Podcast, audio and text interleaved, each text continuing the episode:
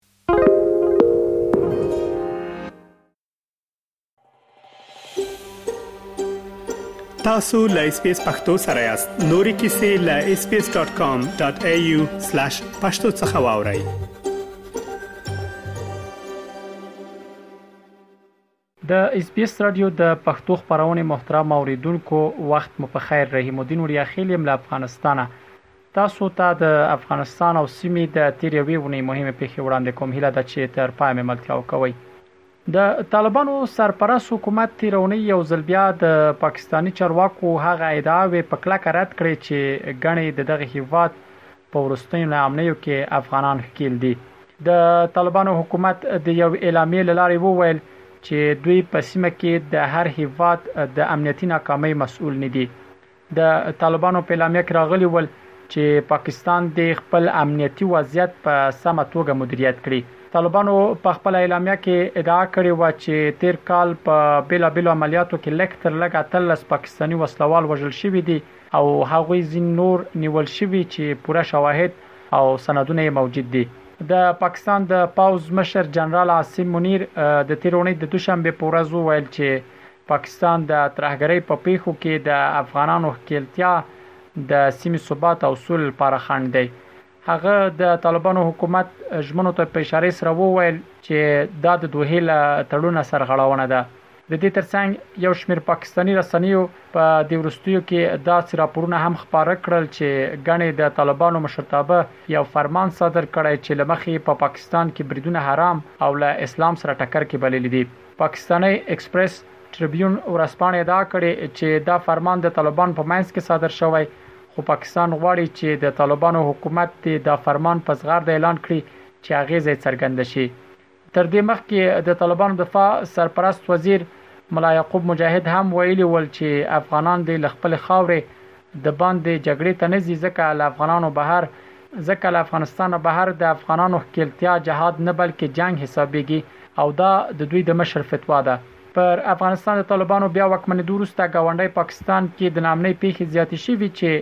تر ډېره یې مسوولیت پاکستاني طالبانو یا ټي ټي پي مني.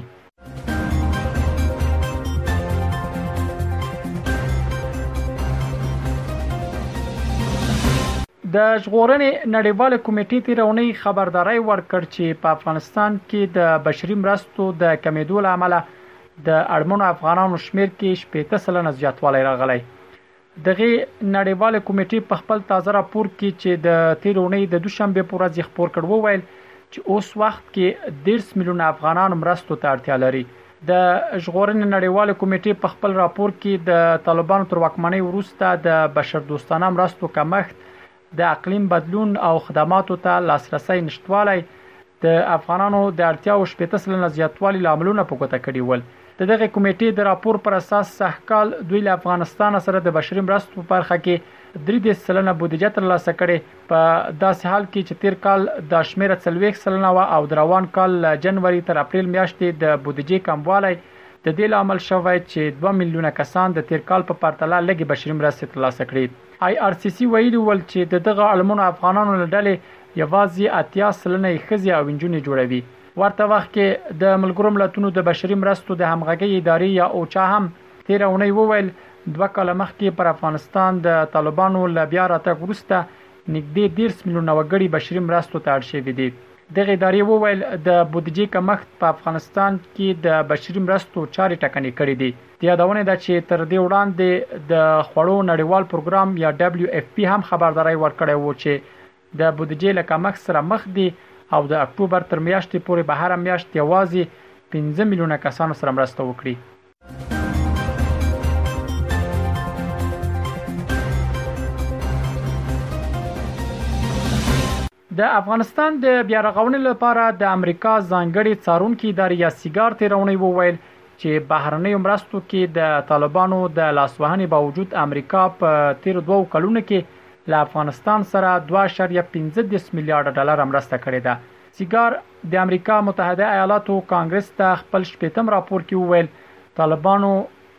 طالبان له افغانانو سره د نړیوالو مرستو څخه ناسمه ګټه اخلي او تر خوا یې په ډیریو مواردو کې سرغړونې کوي. د سیګار په راپور کې د ملګرو ملتونو سازمان د څو چارواکو له قوله لیکل شوي ول، طالبانو د مرستندویه ادارو په پروګرامونو کې نفوذ کړی او عملاً یې د دوی کارونه تر اغیز لاندې راوستي دي. په راپور کې د امریکا د سولې انسټیټوټ هغې څیړنې ته هم اشاره شوې وه چې پر بنسټ یې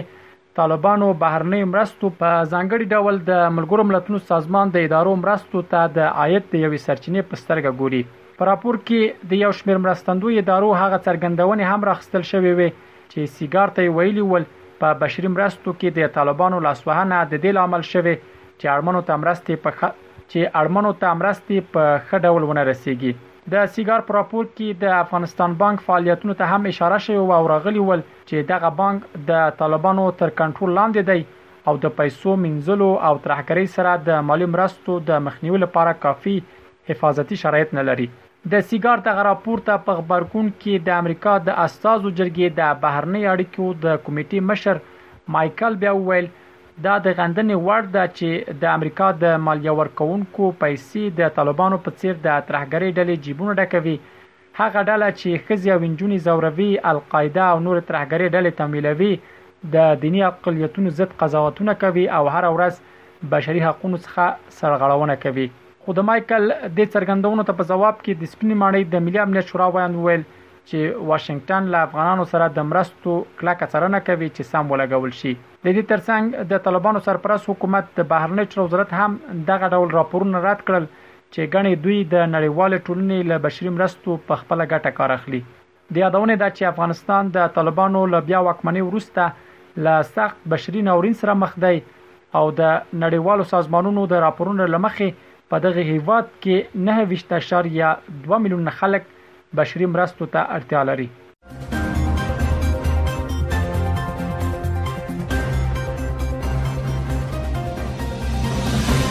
د دې اونۍ د پای موضوع هم دا چې د بشري حقونو څار سازمان تېره اونۍ وویل،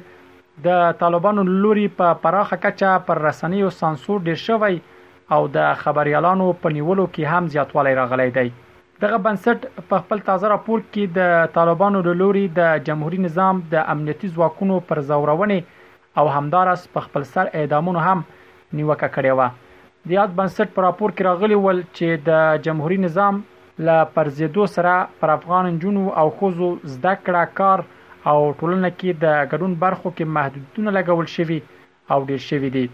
د بشري حقونو څار بنسټ همدارز ویلي ول، د افغانستان له درې برخو وګړو دوه برخې یې بشردوستانه مرستو ته اړ دي او په دې سره دغه هېواد د نړۍ په کچه تر ټولو د بشري بحران سره مخ دی. د بشري حقونو د څار سازمان داسې مهال د نورو موضوعاتو ترڅنګ د طالبانو له لوري په پراخه کچه پر رسنیو سانسور او د خبریالانو پر نیولو اندېښنه ښيي چې طالبانو په دې وروستیو کې د خبریالانو نیولو ته زور ورکړی او د معلوماتو لمخې د طالبانو استخباراتو یوازې د پنځشنبه په ورځ په پکتیا، کندوز او ننګرهار ولایتونو کې څلور خبریالان نیولي دي. دا ول د افغانستان او سیمې د تېرې یوې اونۍ مهمې پېښې چې ما تاسو ته وړاندې کړې. تر بیا ښې چارې. اس پی اس پختو په فیسبوک کې تا کې پلی مطلب یو فاک کړئ نظر ور کړئ او له نورو سره شریک کړئ